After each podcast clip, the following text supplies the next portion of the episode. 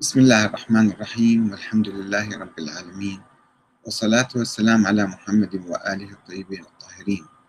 السلام عليكم أيها الأخوة الكرام ورحمة الله وبركاته ومرحبا بكم في برنامج الحوار المفتوح أنت تسأل وأحمد الكاتب يجيب.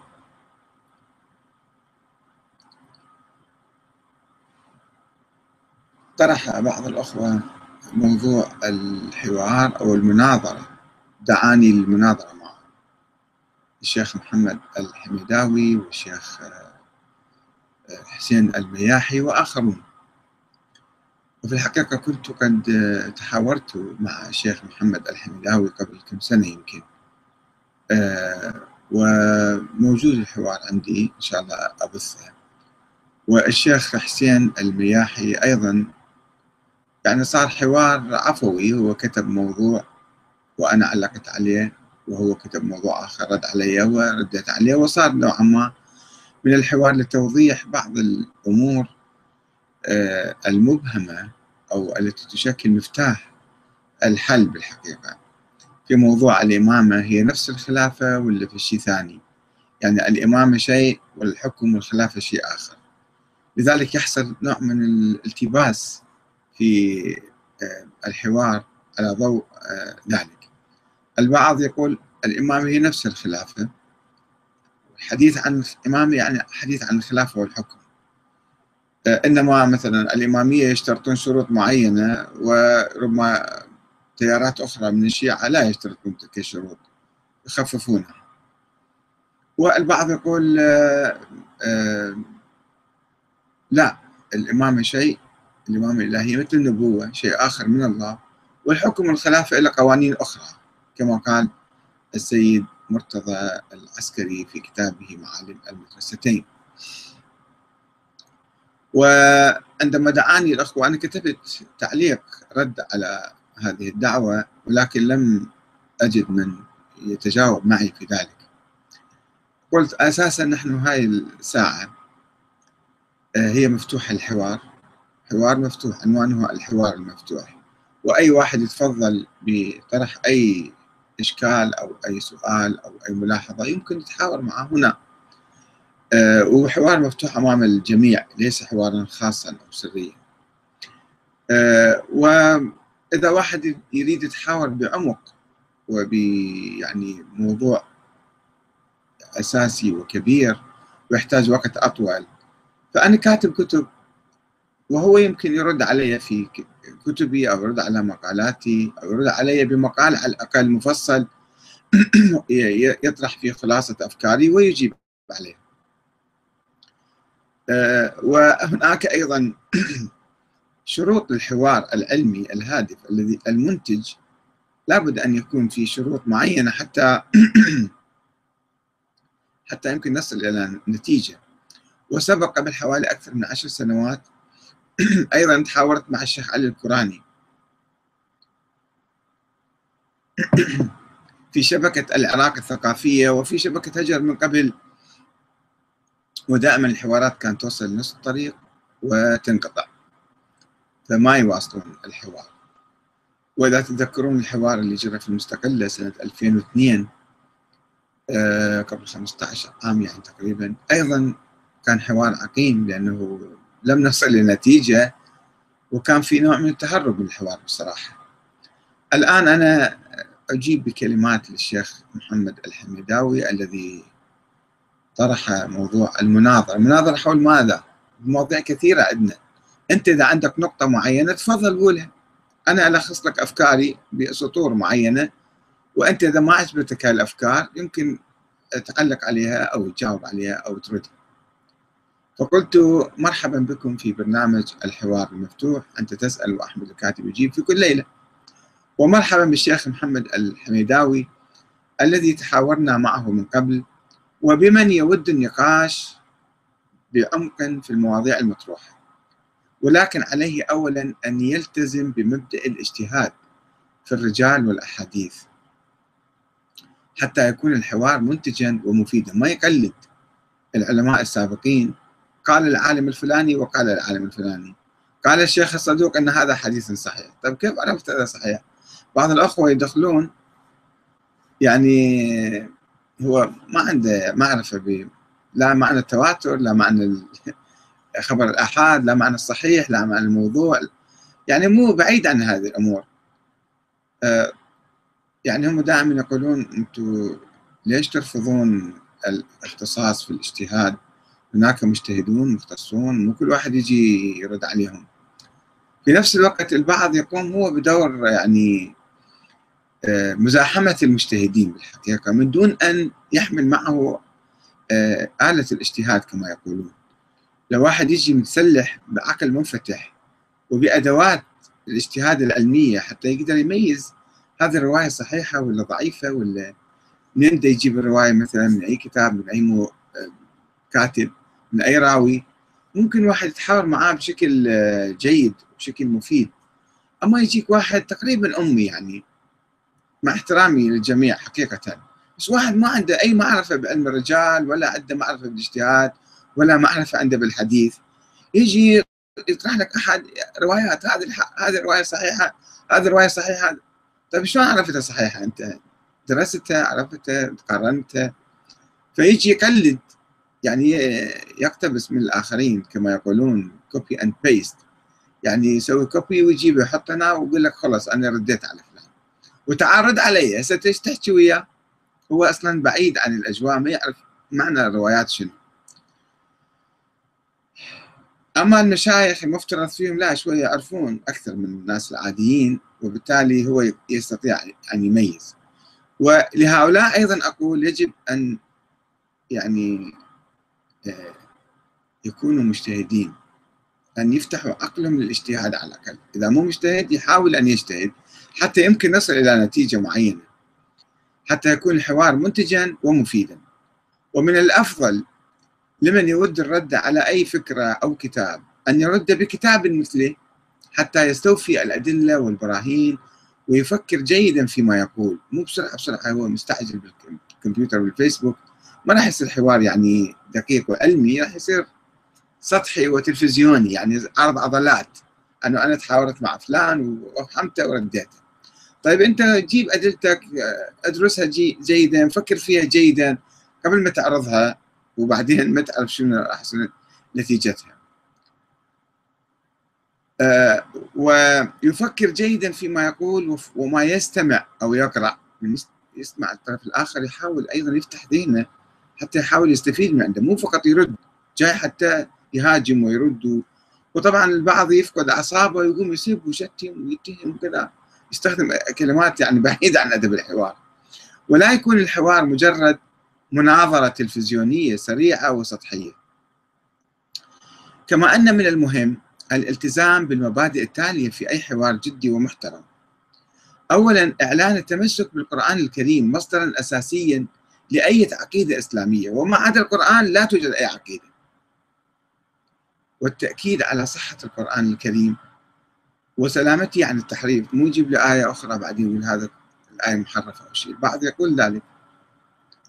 ثانيا الالتزام بمبدأ الاجتهاد والنظر في سند الأحاديث. وكذلك الإعلان عن الاستعداد لبحث رجال الروايات التي يعتمد عليها. ولا يكتفي بالاعتماد على النقل والتقليد للسابقين. أنه الشيخ الطوسي المفيد المرتضى قال هاي رواية صحيحة. واذا فإيه هي رواية صحيحة؟ لا لازم شوية تفكر تجتهد فيها شوية تبحث فيها. شوية تدرس علم الرجال مو تقول علم الرجال محرم وجاي تناقش. انت خرجت خارج قوس صرت يعني. ثالثا إعلان الموقف من العقل. هل هو حجة دائما؟ أم في بعض الأوقات وحسب الحاجة. وقت اللي تريده يصير حجة وقت اللي ما تريده لا. ما يصير نستخدم العقل. وليس بحجة عندما يغلب عليه النقل الضعيف وأخبار الآحاد وينسى العقل. وهاي رواية موجودة عندنا. طيب وفكر بالموضوع كله. يعني بعقلك النظرية عندما تطرحها أو عندما تطرح أي نظرية حاول أن تشوف هذه يعني متكاملة ناضجة مكتملة ولا لا؟ رابعا من المهم جدا في أي محاور وفي أي حوار وخاصة في مواضيعنا هذه. آه، إعلان الموقف من المنهج الباطني. في ناس في التاريخ كان عندهم منهج باطني يقلبون الأحداث والظواهر والأقوال والمواقف كلها رأسا على عقب. في موقف ظاهري للأئمة هم يجيبون لك موقف باطني. في قول ظاهري للأئمة هم يجيبون لك قول بالعكس عنده باطني. وفي موقف سياسي مثلا يجيبوا لك موقف باطني وهكذا. في إنسان مات يقولون لا ما مات. في إنسان ما ولد يقولون لا ولد. يعني بالعكس هذا يسموه منهج باطني. فأنت تؤمن بالمنهج الباطني أو ما تؤمن. فهمنا في البداية أول شيء قبل ما تتحاور وجاي فاتح صدرك وتتعارك وتعال نتحاور يتفضل أول مرة يقول لي شنو موقفك؟ تجاه الموقف المنهج الباطني. تؤمن بالمنهج الباطني ولا ما تؤمن؟ وإذا كنت تؤمن ليش؟ شلون تفسر لي على أي أساس؟ وهل يشكل الظاهر حجة دائمة؟ دائما أم في بعض الأحيان وحسب الحاجة ليعود إلى المنهج الباطني؟ ليعود إلى المنهج الباطني عندما يحتاج لإثبات ما يشاء من أمور. خامسا لابد من تعريف التواتر. لما نقول هذا حديث متواتر أو هذا لازم أعرف التواتر في أي طبقة وفي أي درجة. مو أنه في بعض الأوقات نعم بعض الأوقات لا.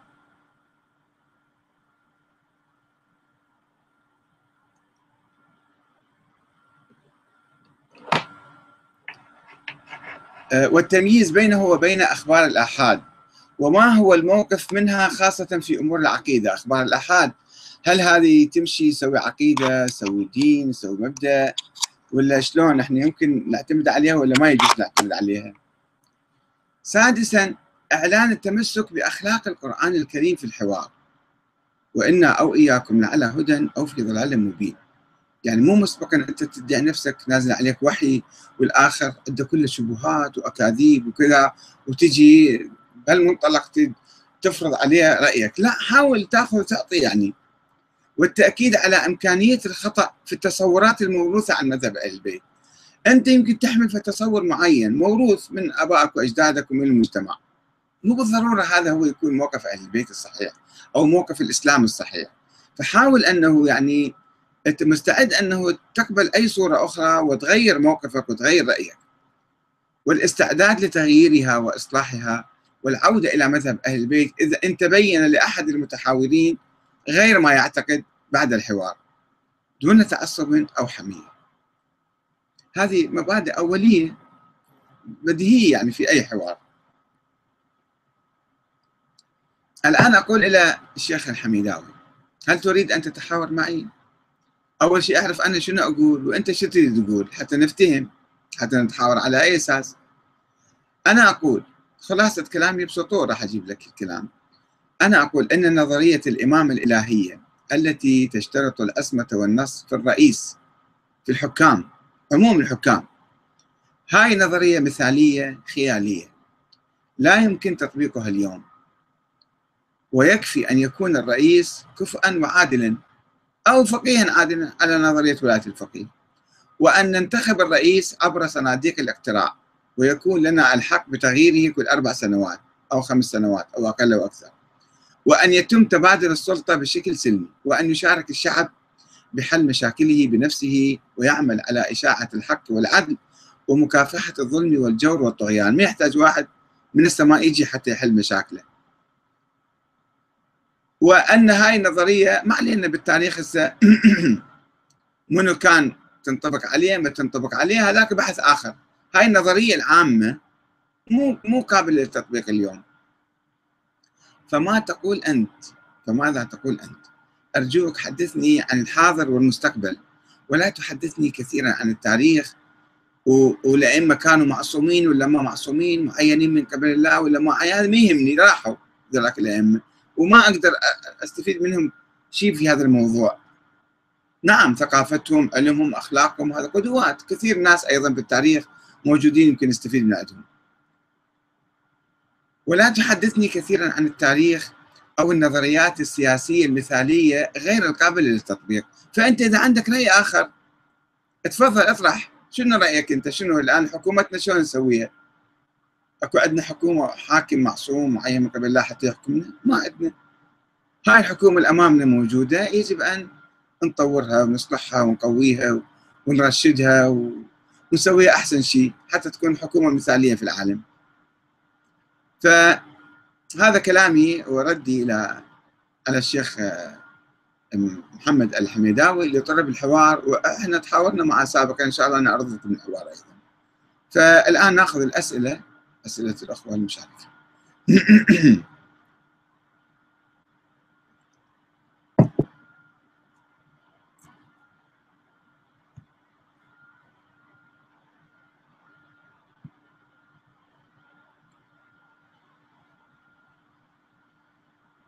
رحيم خضير يقول شيخنا عمم الفائدة بالإجابة. مو سؤال أو اثنين تأخذ وتترك باقي الأسئلة. لا أنا أحاول عزيزي الكريم أنا أحاول أجاوب على كل الأسئلة اللي تجيني أمامي بس لأنه الأسئلة كثيرة تصير فأحيانا تكثر وتنزل يعني ما أقدر أشوفها في نفس الوقت. فاللي أقدر أجاوبها أجاوبها وأجاوب عليها واللي ما أقدر إن شاء الله في الأيام القادمة وأنا مسجل هنا عندي أسئلة كثيرة من الأيام من الأيام الماضية التي لم أتمكن من الإجابة عليها. فأنا أحاول أجيب عن كل الأسئلة وما أحاول يعني أتهرب من سؤال. وإذا سؤال ما أعرفه أو كذا أقول لكم ما أعرفه ما أقدر أجاوب عليه. يعني مو عيب ولا في شيء مو زين يعني. قدر إمكاني وقدر حسب معلوماتي أجاوب. هترو المحمدي يقول تواتر للغوي ومعنوي. ما عرفت شنو كلام مختصر. منير ابن حديد يقول ما رأيك في السيد كمال حيدر الذي بحث في قضايا العقائدية؟ أنت اسمع وأحكم عليه ليش تسألني إلي يا أخي العزيز؟ أنت اساله وناقشه له ما أمر ما يخصني هذا يعني. كثير ناس يكتبون يبحثون يدرسون وأنا ما أقدر أتابعهم وما أقدر أسمع حتى أعطيك رأيي فيهم. اذا اذا كيف تتهم غيرك بالظنون؟ هذا هترو المحمدي يقول. يعني أنا إذا أقول واحد عنده ظن أقول ظن. عنده ظن أجيب لك دليل عليه. الكعبي أبو سجاد يقول النت عندي ضعيف من تكمل الإجابات ذكرني بتعليق. حتى أعرف جوابك عن سؤالي فيما يتعلق بدعوة الشيخ محمد الحميداوي للمناظرة معك. إحنا أجبنا بأنه آه، إحنا هذا مفتوحين للحوار وهي ساعة وساعات أخرى وأي وقت واحد يحب بس بهذه المستوى خلي يكون الحوار مو مستوى هابط سب وشتم بعدين يصير. مثل ما عندنا الشيخ حسين الرزوقي حاورنا معاه وآخر شيء صار يفلت أعصابه يعني ما ما قدر يسيطر على نفسه. لأنه ما ما قدر يجاوب ما عرف كذا صار يعني مع الأسف الشديد أن شيخ محترم مثل الشيخ حسين آه، المياحي أن يهبط إلى هالمستوى من الحوار. هذا ما يسمى حوار يصير عركة بعدين. إحنا ما نريد نتعارك مع أحد. أريد نتفاهم ونريد نعرف. عبد الأكارم يقول شيخنا هل بحث التعارض أو مدخلية الزمان والمكان تزيل القدسية عن النص الديني أم أنها هذا التعرض والمدخلية فقط خاصة بالجانب الفقهي وبالتالي لا قدسية للنص الفقهي في نقده كونه نص يعتمد عليه على التعارض وعلى الزمان والمكان؟ في مسائل عقدية ما تتغير ما تتطور. في مسائل يعني فيها مجال للاجتهاد في مسائل أساسا هي ليست من الدين ومدخليها في الدين و... ولازم تتطور مثل موضوع الإمامة. موضوع الإمامة مو من الدين لأن القرآن ما متحدث عن الإمامة والنبي ما تحدث عن الإمامة وعن تفاصيلها. عن مبادئ العدل نعم مبدأ المساواة العدل نعم. الإمامية يعتقدوا أن الإمامة جزء من الدين جزء من الإسلام وأن النبي وصى بذلك. والآن قلنا أو الخلافة الناس السنة اللي اعتقدوا بالخلافة هم نفس الشيء حزب التحرير مثلا. وتحدثنا عنهم في حلقات سابقة. اعتقدوا أن الخلافة هاي مسألة دينية وبالتالي فإن ما يمكن تتطور. وإحنا عندنا نظامنا الإسلامي الأصيل وما يمكن يتطور هذا هو النظام الإسلامي.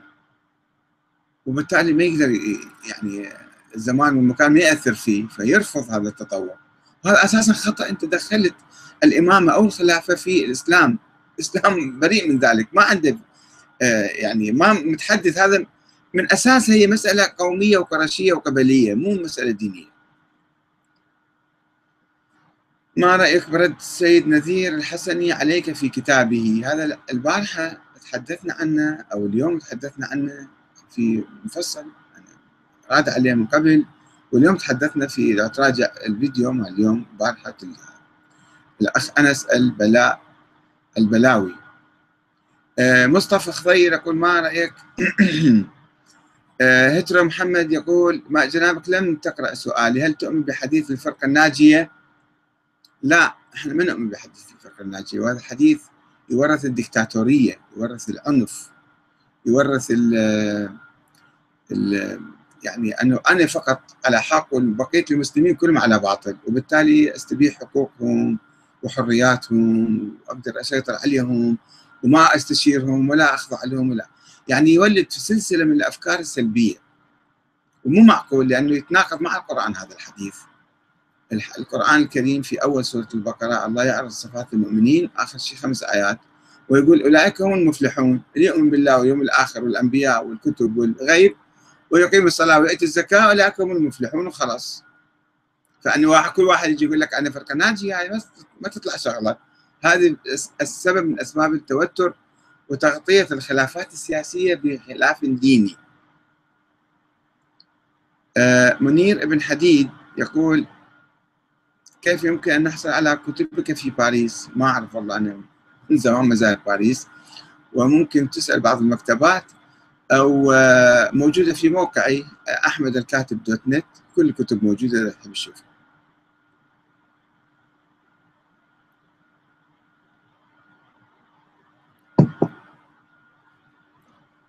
نشوف إذا أسئلة حتى نأخذ الأسئلة آه، من يوم أمس.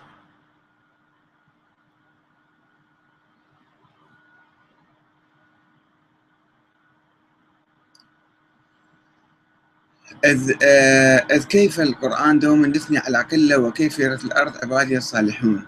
يعني القلة المؤمنة الصالحة نعم ولكن في قوانين عامة بالمجتمع يعني هي العدل مع جميع الناس سواء مسلم ولا كافر ولا مؤمن ولا غير مؤمن.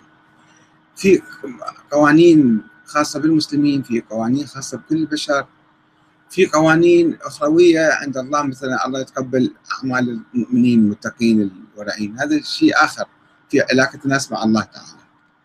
آه، حسن الأسدي دكتور حسن الأسدي في حوار سابق قال القرآني. الإمامة بدأ قرآني يعني كيف؟ هذا كلمة عامة شوية وكلمة يعني غامضة. أنه آه، الله جعل إبراهيم مثلا إماما. مو جعل إمام يعني جعل رئيس. إمام بها معاني عديدة كلمة إمام إمام الصلاة إمام الجمعة إمام المسلمين إمام حزب مثلا. آه، آه، الله جعل إبراهيم خليلا. وهو إمام يعني قدوة للناس. ما صار حاكم. ما صار حاكم رئيس جمهورية أو رئيس دولة مثلا. إحنا كلامنا عن الإمامة في المجتمع الإسلامي ما بعد النبوة. النبوة انتهت وختمت بنبوة النبي محمد صلى الله عليه وسلم عليه. ونحتاج زعيم قائد حاكم رئيس أمير إمام شو يسموه؟ أمير المؤمنين ينفذ الشريعة الإسلامية. يقيم العدل بالمجتمع. هذا هو دور الإمام. هذا الإمام يمكن يكون إنسان عادي إحنا ننتخبه ويمكن يكون مثلا آه، حسب نظرية الإمامية أنه لا هذا يجب أن يكون في صفات مثالية كثيرة وعالية جدا يكون آه، معصوم من الله ويكون عنده علم من الله أيضا حتى يحكمنا. هاي النظرية مثالية خيالية ما طبقت الأئمة ما تبنوها. المشكلة في هذه نظرية الإمامة أن أئمة أهل البيت من أول واحد لآخر واحد ما يتبنون هاي النظرية. ويكفرون بها. هاي نظرية الغلاة ونظرية المتكلمين والفلاسفة وكذا كانوا مجتمعين بالكوفة. ركبوها على أهل البيت وانقرضت وبعدت وراحت وانتهت من زمان. صار 1200 سنة. وإحنا من ذاك التاريخ إلى اليوم ظلينا ألف سنة متمسكين بهاي النظرية ونحرم العمل السياسي. إلى أن حدثت هاي الثورة الحديثة في الفكر الشيعي من 50 سنة تقريبا آه، أنه لا خلي إحنا نقيم دولة على أساس الشورى وعلى أساس الديمقراطية والجمهورية الإسلامية. فأقيمت الجمهورية الإسلامية وأقيم النظام العراقي وشاركت الأحزاب الشيعية القديمة يعني في مختلف الحكومات الموجودة في العالم الإسلامي وحيثما يوجد شيعة فالكلام إنه إذا قلنا الامامه مبدأ قرآني والأئمة إلهيين سويناهم وشيء مثل النبوة يعني درجة شوية أقل أكثر من النبوة فكيف نثبت الإمامة لكل واحد واحد من الأئمة؟ هذه مسألة جدا صعبة ما يمكن مستحيل. أبدا هم يعني هم الإمامية منظرين الإمامية يعترفون بأنه السلسلة مقطوعة وعندنا أئمة لا عليهم نص ولا عليهم وصية ولا محزنون فشلون جعلنا مثلا زين العابدين؟ إمام. ما عندنا أي شيء عليه هو خشادني هو إمام حقيقة. عالم عابد زاهد ورع كل شيء صحيح. بس هو ما صدى الإمامة ولا كان يعتقد بنظرية معينة بالإمامة. أن الإمام حق إلهي وهو لازم يحكم. لذلك الإمام زيد ابن علي تفاجئ من اجى الكوفة وشاف هذا مؤمن الطاق ومجموعة. قالوا له أنت مو إمام من الله. قال شنو يعني إمام من الله؟ قالوا له يعني الله معينك قال يعني منين شنو الله معيني؟ أي واحد يمكن يصير إمام. آه قال له أنا أبوي كان يحبني كثير الامام علي بن الحسين ويحط اللقمة الحارة يبردها ويحطها بحلقي قد ما كان يحبني. فما قال لي على الحديث اللي عندكم أنتم. منين جايبين الكلام؟ بدعة. مبتدئيه ذولا مؤمن طاق وجماعته هشام بن سالم الجواليقي وهشام بن الحكم ومجموعة. قالوا لا أنت كان أبوك يخاف عليك.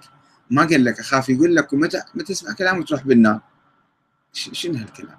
فاذا أنا ما أسمع كلام الشيء حق خلي أروح يعني ليش أبوي يخاف علي؟ فالمهم فممكن ما يمكن إثبات الإمامة من واحد إلى واحد إلا في يسوون معاجز دعاوى باطلة وخرافية بأن الأئمة عندهم معاجز أو عندهم علم غيب من الله. كل هذا كذب أقاويل الغلاة مو أقاويل أهل البيت. لازم نميز إحنا بين أقاويل أهل البيت أقوالهم وكلماتهم ونظرياتهم وآرائهم وبين أقاويل الغلاة اللي خالطيها. وحتى الآن إحنا عندنا في الحوزات ما يقدرون يميزون بين أقوال أهل البيت تراث أهل البيت الصحيح وبين أقاويل الغلاة اللي مركبيها على أهل البيت. مراجع ما يعرفون نسوي لهم يعني؟ وكيف تثبت لهم الأسمى والنص والوصية والمعاجز وعلم الغيب؟ مستحيل. إذا فهاي نظرية الإمامة الإلهية نظرية مثالية خيالية وهمية وصلت إلى طريق المسدود وانقرضت وباتت قبل 1200 سنة. فليش نبحث فيها دائما؟ ونجي نتعارك عليها إلى يوم القيامة.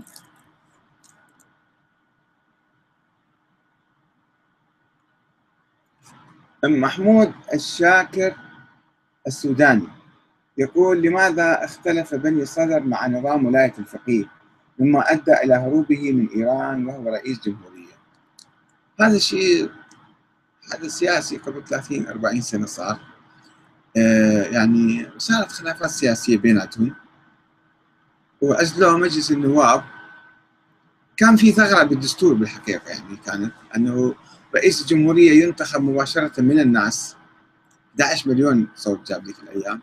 بن الصدر أول رئيس للجمهورية ورجائي هو بعدين عين شخص رئيس وزراء.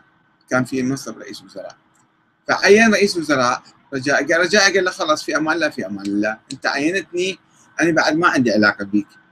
فقال له شلون أنت؟ مو أنا عينتك لازم أنت تسمع كلامي وأنت يعني جزء موظف عندي.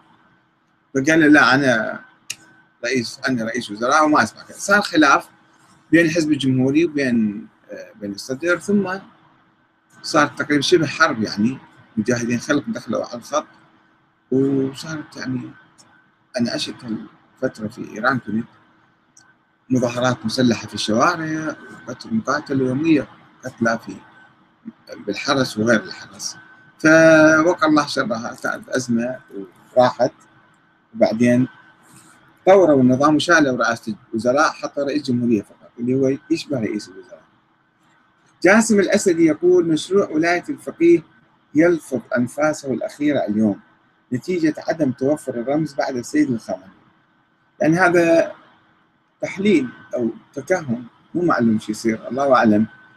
هناك طبقة من رجال الدين في إيران أقل شيء أقل شيء في 250 ألف رجل دين في إيران وعالم وشيخ وعمل فهذول ما يمكن يعني تزيلهم تشطب عليهم قلم شطبة قلم واحد بسرعة. لا سوف يبقون يدعمون نظرية يعني سيطرة رجال الدين على السلطة أو الحكم سواء نظرية ولايه الفقيه أو مو نظرية ولايه الفقيه بالحكم أو بمجتمع فهم قوة موجودة في المجتمع ما متعلقة بشخص واحد سيد خامنئي أو الخميني وأنه بس يموت الواحد وراح تنتهي النظرية.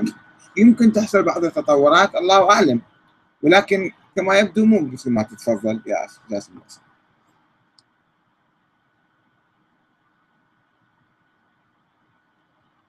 الأخ رائد الموسوي يعلق على حديثنا يوم أمس عن السفراء الأربعة الذي الذين قلنا أنهم دجالون أربعة اخترقوا في الاسطوره وموتوا الشيعة قتلوا الشيعة بها. يقول السفراء الأربعة يوثق بعضهم الإمام الهادي وبعضهم الإمام العسكري ويوثقهم الذهبي وغيره ويوثقهم كل علماء الشيعة. ولم يصدر منهم الكذب والافتراء والدجل. ألا تخاف الله تعالى كيف تتهم رجالا ثقات من أهل الورع والتدين والصلاح بالدجل؟ أليس الرسول صلى الله عليه وسلم هو من بشر بالمهدي؟ أليس الذي بشر به؟ هم أهل البيت. فكيف يكون السفراء دجالون أو دجالين؟ أنت غاطس إلى أذنيك في الشبهات والشكوك ولا تعلم ماذا تقول. أنت بهذا الإنكار تنكر أخبار الرسول وأهل بيته الأطهار بالإمام المهدي المنتظر. أولا هنا كما يبدو آه، الأخ رائد الموسوي يخلط بين فكرتين بين فكرة الإمام المهدي على فرض الرسول قائل بها وبين شخص محمد بن الحسن العسكري. أنه هذا مولود أو مو مولود لأنه شيعة الإمام الحسن العسكري انقسموا 14 فرقة وصاروا يبحثون يدورون شنو صار بعد وفاة الحسن العسكري ما عرفوا. ووقعوا في عصر هم سموه عصر الحيرة. وعلي بن بابويه القمي كتب كتاب اسمه الإمامة والتبصرة من الحيرة. هذا في الغيبة صورة كان كما يقولون. فإذا لازم نفرق أول شيء بين هالموضوعين. بعدين لما تنقل توثيق واحد مو إنه علماء الشيعة يقولون علماء الشيعة طبعا يقولون يوثقوهم. يوثقوهم مو بس يقدسوهم بعد. يقدسوهم بعد شوية يعطوهم صفة الأسماء الصغرى مدري الوسطى وفي الشيء ذولا كلش يعني. لذلك الآن في قوم والنجف في الحوزة كما أخبرني أحد المشايخ أنه صار ضجة كبيرة. والسب واللعن والشتم عليه قائم. لأنه شلون تقول دول الدجالين أربعة؟ زين؟ فإذا ذولا يعتبروهم أكيد أنه ذولا يعتبروهم مقدسين ونواب الإمام بعد نواب الإمام الخاصين.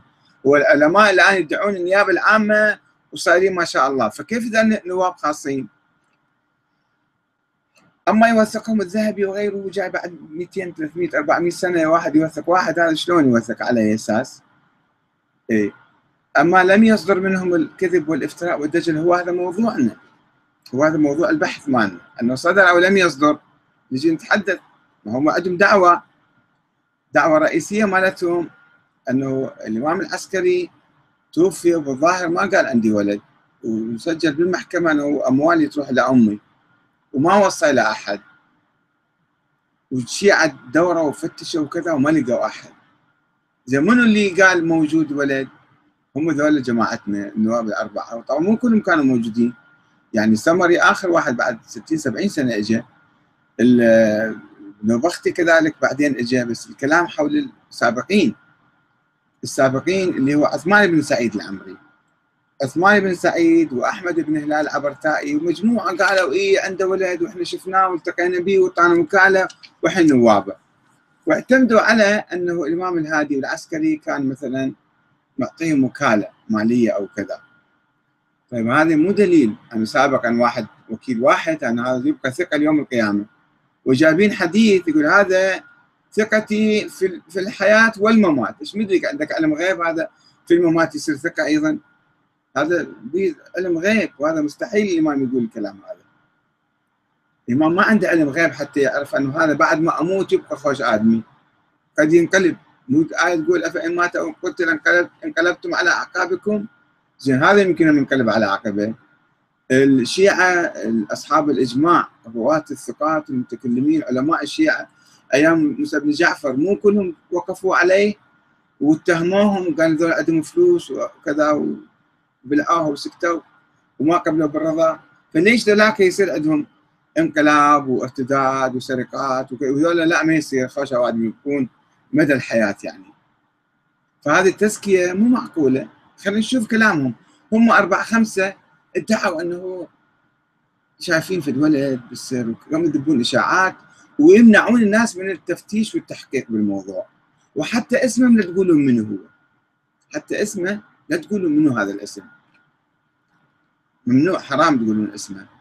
زين إحنا شوف ذولا عندهم مصلحة بهاي الشغلة. كانت تجيهم فلوس ودائما قاموا تقولون جيبوا فلوسكم وإحنا نوديها له زين هو الامام شو يسوي بهالقد فلوس؟ هو يروح يشتغل ويعيش اذا هو غايب اذا موجود ليش يجي ياخذ فلوس من الناس؟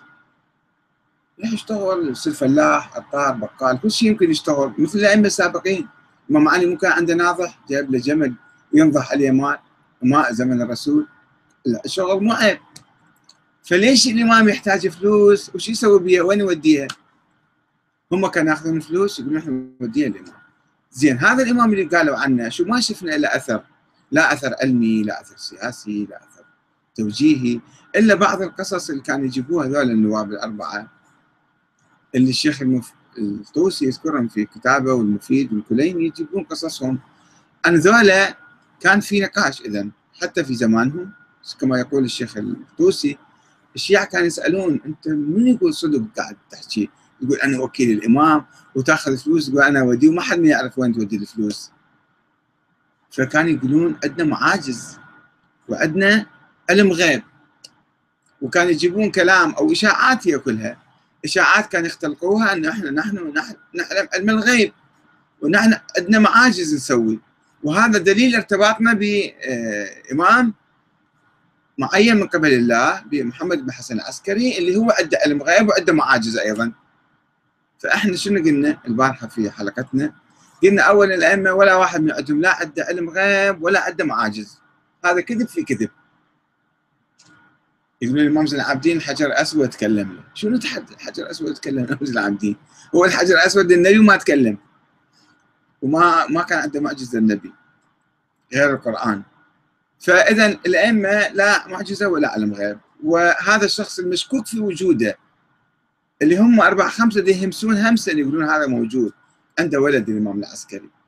طيب هذا إذا ما عنده علم غيب. أنتم تدعون أنه عندكم علم غيب وعندكم معاجز من يقول كلامكم صحيح؟ كلها دعايات دعايات كذب في كذب. تستشمرون الناس تضحكون عليهم. لذلك أنا قلت ذولا أربعة دجالين. انزعجوا الناس. شلون تقول ذول دجالين؟ ذول كبار علماء. ذول نواب الغيبه الصغرى. كذب. لا في غيبة ولا صغرى ولا كبرى ولا موجود. فشو تسميهم ذول أنت؟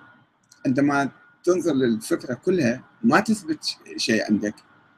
وفكرة قاتلة ومخدرة للشيعة ألف سنة روحوا ناموا بالبيت ولا تشتغلون ولا تعملون ولا تدخلون بالسياسة. هاي نتيجتها.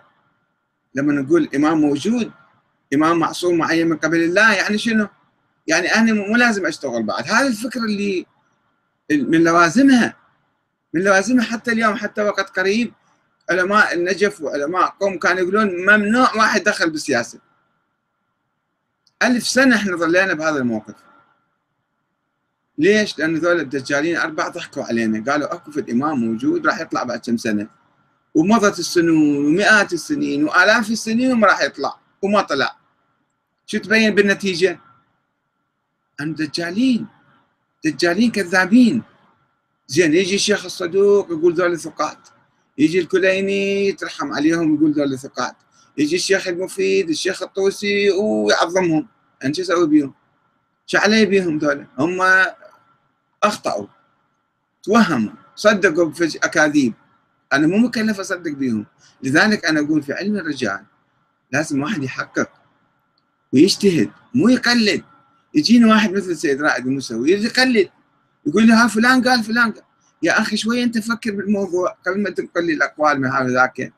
ويجيب لي روايات وهاي روايات صحيحة. من قال لك رواية صحيحة؟ الشيخ الصدوق قال هاي رواية صحيحة. طبعا يقول صحيحة لأن قاعد يأيد بها مذهبه ويأيد بها فكره. ويجيب لك روايات وقصص مختلقة ويثبتها عليها فأنت ما يصير تصدق بكل رواية وتعتبرها صحيحة. هذه أقول هل يعني مستوى الحوار لازم واحد يكون عنده شوية علم. إذا مو عالم يتعلم مو يدخل بالمرة يدخل في معمعة بين الأبحاث وبين الباحثين وبين العلماء وهو مقلد. مقلد ما يصير تناقش يا أخي العزيز.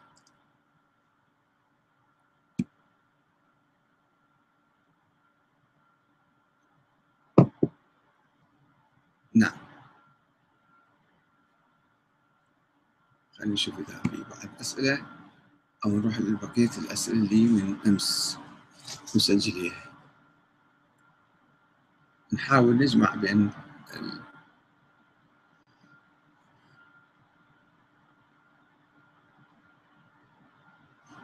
آه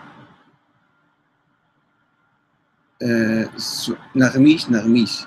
يقول سؤال لك من أين تأخذ أحكامك الفقهية من عبادات ومعاملات؟ أخي العزيز أولا العبادات كلها واضحات وضروريات ما يحتاج بها التقليد. والمعاملات كذلك أيضا ما هي مكتوبة من قديم. وإذا في مسائل حادثة نجتهد. اجتهاد باب الاجتهاد مفتوح ونجتهد مو مسألة يعني مو مشكلة. والاجتهاد واجب على كل إنسان مو عليه فقط. عليك كمان لازم تجتهد. لازم تقلد. التقليد حرام أساسا. وقبيح كما كان يقول علماء الطائفة الاثنا عشرية مشايخ الطائفة السابقون. التقليد قبيح. وتقول إذا أنا ما أقدر اجتهد طيب اسأل روح أقرأ كتب شوية اسأل هذا اسأل ذاك شنو رأيك شنو رأيك؟ وأنظر وشوف الأدلة شنو هي وأخذ فيها. لا تقلد أحد التقليد حرام. قصي راضي يقول راح يكون النقاش قوي ومفيد لأن الشيخ الحميداوي إنسان مثقف جدا ونحن ما قلنا شيء آخر. نشكره ونحترمه. أي شيء يخلي فكرة معينة زبدة الكلام مالتي أنه إحنا هذا النظام السياسي لازم إحنا ندعمه ونسويه بدون أي كلام مثالي خيالي تاريخي فإذا عنده كلام آخر تفضل فيه شوف شنو يقول بالنتيجة من من ندوخ نفسنا بأحاديث قديمة وعقيمة بالية إنه سواء أثبتنا هل هالشخص أو هؤلاء الأشخاص كانوا معصومين ولا ما كانوا معصومين؟ معينين ولا مو معينين؟ شنو يترتب على ذلك؟ كمسألة فقهية مسألة فقهية مو مشكلة كبيرة. يمكن نحلها حتى من دون أئمة يعني. خذها من أبو حنيفة وخذها من أي واحد كان. مو فد قضية هواية كبيرة. القضية حول النظام السياسي المشكلة الكبرى أو المسألة الأساسية في الخلاف هي النظام السياسي. النظام السياسي كيف كيف يكون؟ شنو شروط الحاكم؟ وشنو مسؤولية الناس؟ وشنو حدود صلاحيات الحاكم؟ هاي المسألة اللي تهم الناس دائما وابدا في كل زمان ومكان. وإحنا نحاول نتجاوزها.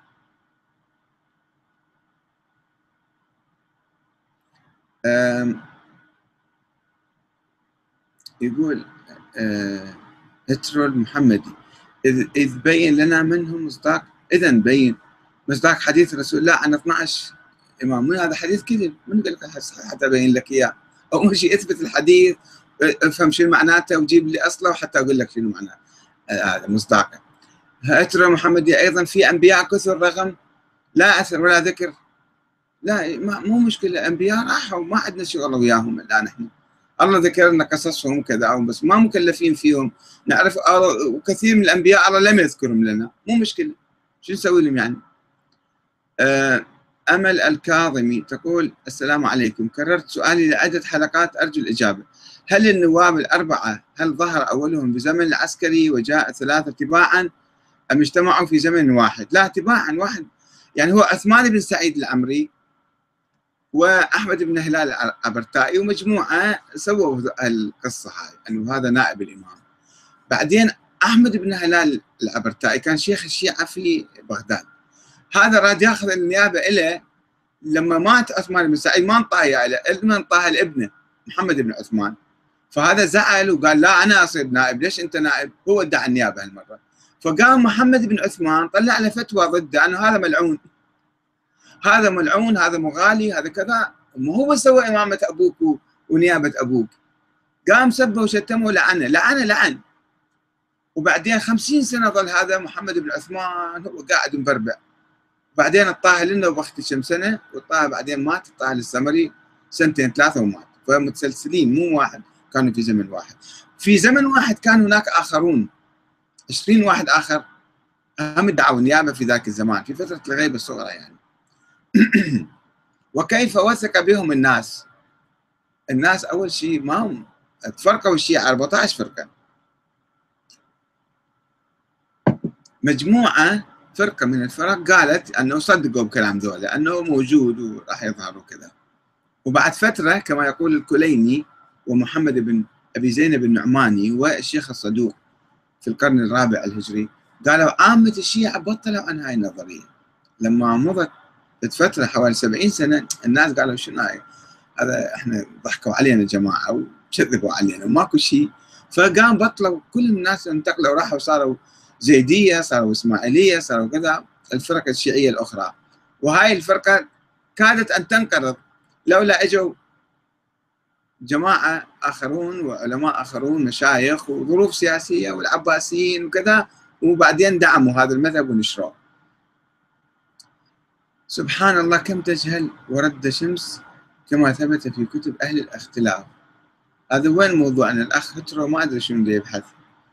يقول آه موضوعنا مو حول رد الشمس بس يقول ليش أنت يعني كم تجهل أو لماذا تجهل أو لماذا ترد يقصد رد الشمس؟ يعني هو يؤمن برد الشمس ويريدنا إحنا نؤمن مثله يعني. زين. تؤمن أؤمن كيفك يا أخي العزيز؟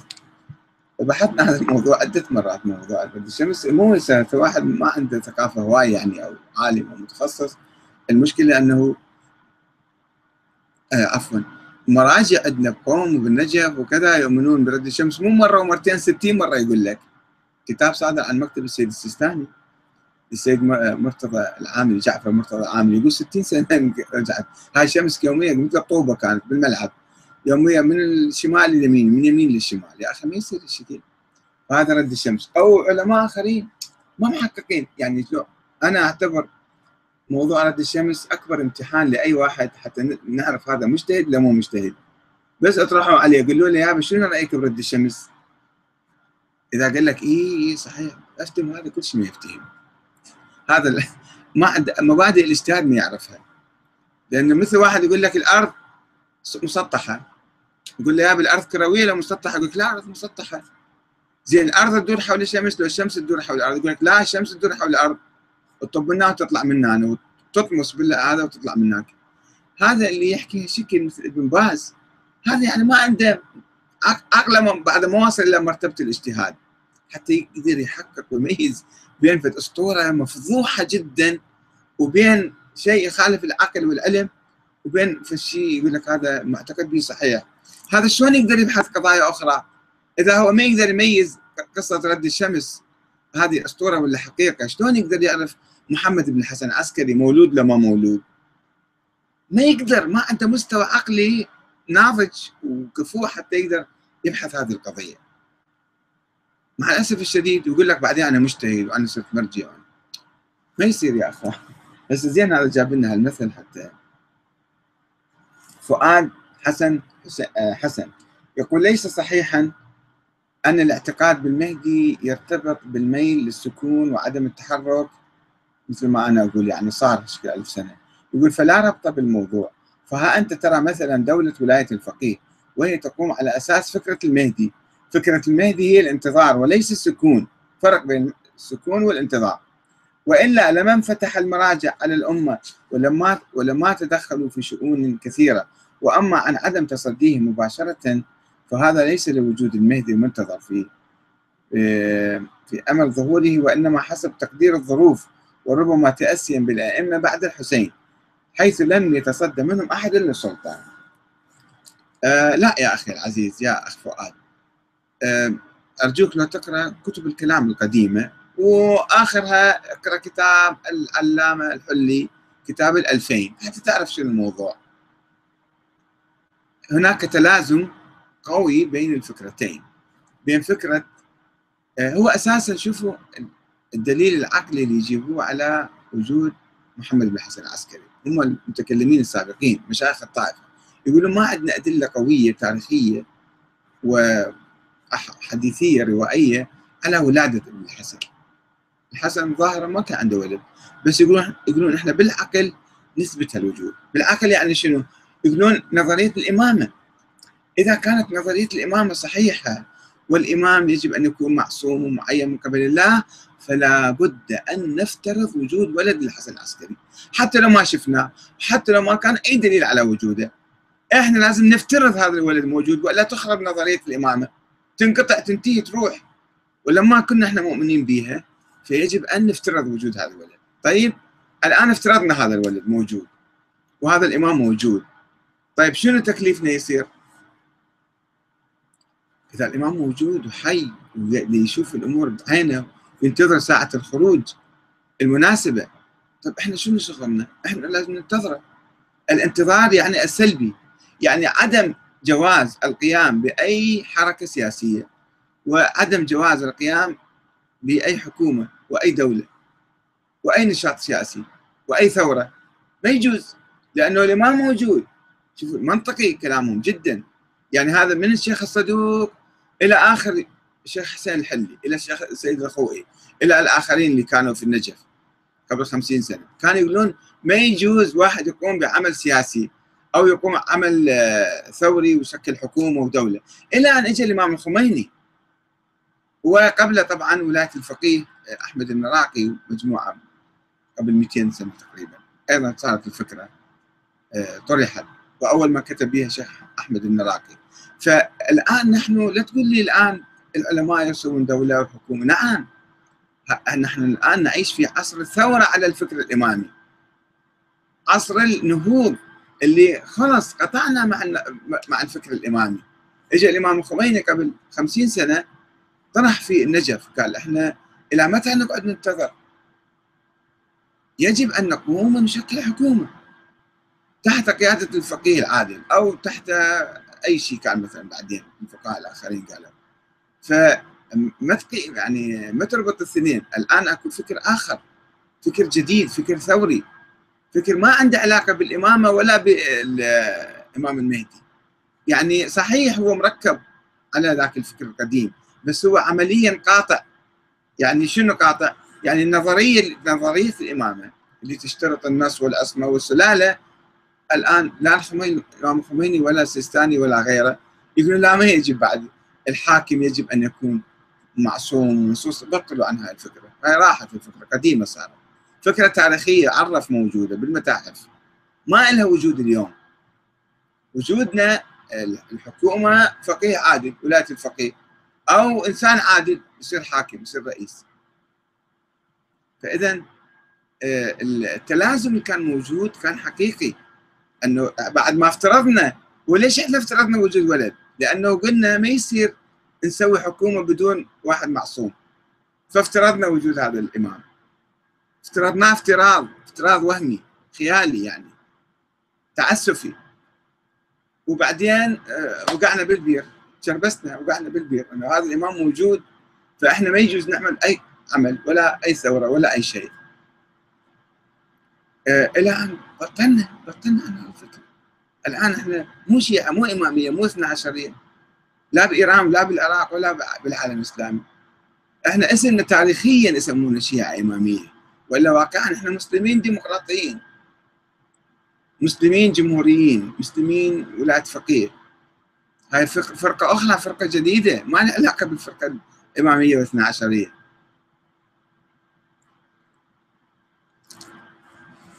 عندي بعد دقائق. دليل الخالدي. يقول الله يحفظك. إذا أنت نسفت الإمامة والنص ونسفت فكرة المهدي والعصمة ماذا بقي من ديننا الشيعي الشيعة يعني بماذا نختلف عن باقي المسلمين؟ بالعبادات لو بالفقه لو بالاسم فقط. ماذا تنصح؟ من أين نأخذ ديننا؟ لا من المفيد ولا من الكافي ولا من الطوسي آه، ولا من العلماء أتباع نظرية المهدي. ولا من علماء نظرية الفقيه ولاية الفقيه لأن كل هؤلاء حسب طرحك هم إما مخطئون أو جاهلون ولا يوجد عندنا كتاب بخط الأئمة. ما ما عندنا لأن كلها منقولة تاريخيا من رجال فكيف نختار ونميز بين الكذب والحق؟ مو تهنة والله تهنة الأخ هذا دليل الخالدي الحقيقة أنا ما نسفت نظرية الإمامة. هي الإمامة منسوفة من زمان. نظرية ميتة من قديم ما موجودة. نظرية منقرضة قبل 1200 سنة. بس إحنا باقي قشورها متوهمين إحنا متمسكين عايشين على الوهم كنا. ما له حقيقة. لذلك إحنا بطلنا عنه الحين سوينا ولاية الفقيه سوينا نظام ديمقراطي. فمو أنا نسفت المهدي أو نسفت الإمامة. هي من أساسا فكرة الإمام الثاني عشر هي هي فكرة وهمية خيالية. ماكو داعي حتى أنسفها أنا. والعصمه أيضا الأئمة ما قالوا بها ذو متكلمين ركبوها على ائمه ولازم ذول أئمة معصومين. فمو بالضرورة إحنا كشيعة نختلف عن بقية المسلمين. إحنا مسلمين الإسلام يجمعنا جميعا. مو بالضرورة نكون إحنا محافظين على هيكل متميز يختلف عن الآخرين. العبادات مسائل بسيطة فيها خلافات. ما فيها خلافات كبيرة. مسائل بسيطة جدا. بالفقه هم نفس الشيء. في اجتهادات عندنا. ما شاء الله عندنا آلاف المجتهدين الآن. كل واحد يجتهد. ما إلا ربط بالأئمة. اجتهادات جديدة. على ضوء الإسلام. اختلاف اختلافنا بالاسم فقط. فناخذ الدين بالاجتهاد من القرآن الكريم من العقل من العلم من الاجتهاد. هذا شيء ممكن. يعني مثل ما يسوون الآن العلماء. ما في قضية يعني علماء أن إذا انتقدنا بعض العلماء السابقين أو اللاحقين لا يعني نكفرهم ونفسقهم بالمرة نحطمهم لا يعني أيضا عندهم نظريات صحيحة أو أقوال حلوة ناخذها من عندهم. واذا الأقوال طبعا الأئمة ما عندنا كتاب من الأئمة لا عندنا تفسير ولا عندنا فقه ولا عندنا شيء. حتى أيام الشيخ الكليني اللي كتب الكافي جمع الأحاديث إيه، طيب عن النواب أربعة خليتون رأيهم فيه. يقولون إيه قالوا عن المهدي قال الكافي كافي لشيعتنا. بعدين تبين هذا كذب الحديث كذب هذا أنه الكافي 9500 رواية ضعيفة فيه روايات أكاذيب فيه وغير معقولة. فإذا ما عندنا شيء بخط الأئمة لا الإمام مهدي ولا غيره. أه والروايات والأحاديث لازم نحقق فيها حتى نميز بين الكذب والحق. يحتاج اجتهاد ونظر وبحث ودراسات. ودراسات لازم بالحوزة يوميا تطلع دراسة لازم. كل طالب ما يتخرج بالحوزة بعد أربع خمس سنوات ما يدرس بالحوزة عشر سنوات إن شاء الله لازم عنده أطروحة. مثل ما بالجامعات ما يصير بكالوريوس ما ياخذ إلا ياخذ عنده فد بحث يقدمه. ياخذ ماجستير يقدم بحث ياخذ دكتوراه يقدم بحث أطروحة. بها إبداعات بها أشياء جديدة. ليش إحنا بالحوزة واحد طب ويطلع 50 سنة أصلا ما يعرف يلزم القلم وحتى يكتب.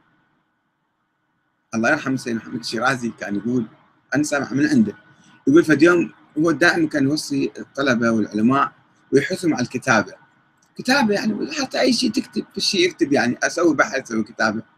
فيقول فد يوم رحت قوم إلى أحد العلماء قلت له ليش بتكتب بتألف؟ قال لي أعوذ بالله أعوذ بالله أنا أصلا مستحيل أكتب. قلت له ليش؟ استغرب سيد محمد الشيرازي رحمة الله عليه.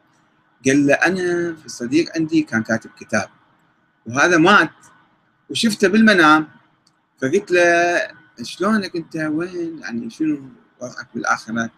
قال لي والله أنا كل شيء عبرت كل الحواجز بس وقفوني على فد حاجز فد حرف واحد كلمة واحدة بكتابي خطأ موقفيني على هذا الحاجز صار لي كذا سنة. يقول أنا هذا الشيخ يقول له سيد محمد الشيرازي يقول له شلون تريدني أني أكتب وأخاف أخطأ فرد كلمه أو فرد حرف وبعدين يوقفوني بالحساب يوم القيامة وأنا ما, ما أقدر أطلع. سيد الشيرازي كان يضحك عليه يقول شوف هذا شلون عقلية عنده. أنت اعمل بواجبك وشوف الصحيح اكتبه. خلي حسابك على الله. إيش عليك أنت بهذا؟ بعدين بالمنام واحد قال لك فرد شيء أنت يعني صدق وتعمل بالمنام. شنو وحي ينزل عليك بالمنام؟ أكو ناس بالحوزة هالشكل 40 50 سنة بالحوزة ما لازم القلم بيديهم يسوي له في البحث فالمقاله ما كاتب. ما يعرف يكتب أصلا.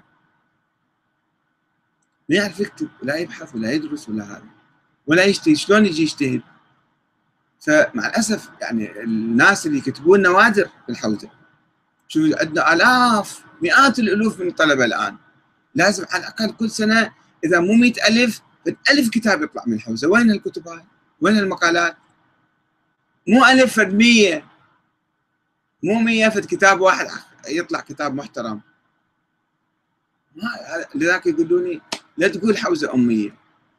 شنو معنى الأمية يعني؟ إذا لا كتابة لا بحث لا دراسة لا تحقيق وكله تقليد في تقليد في تقليد.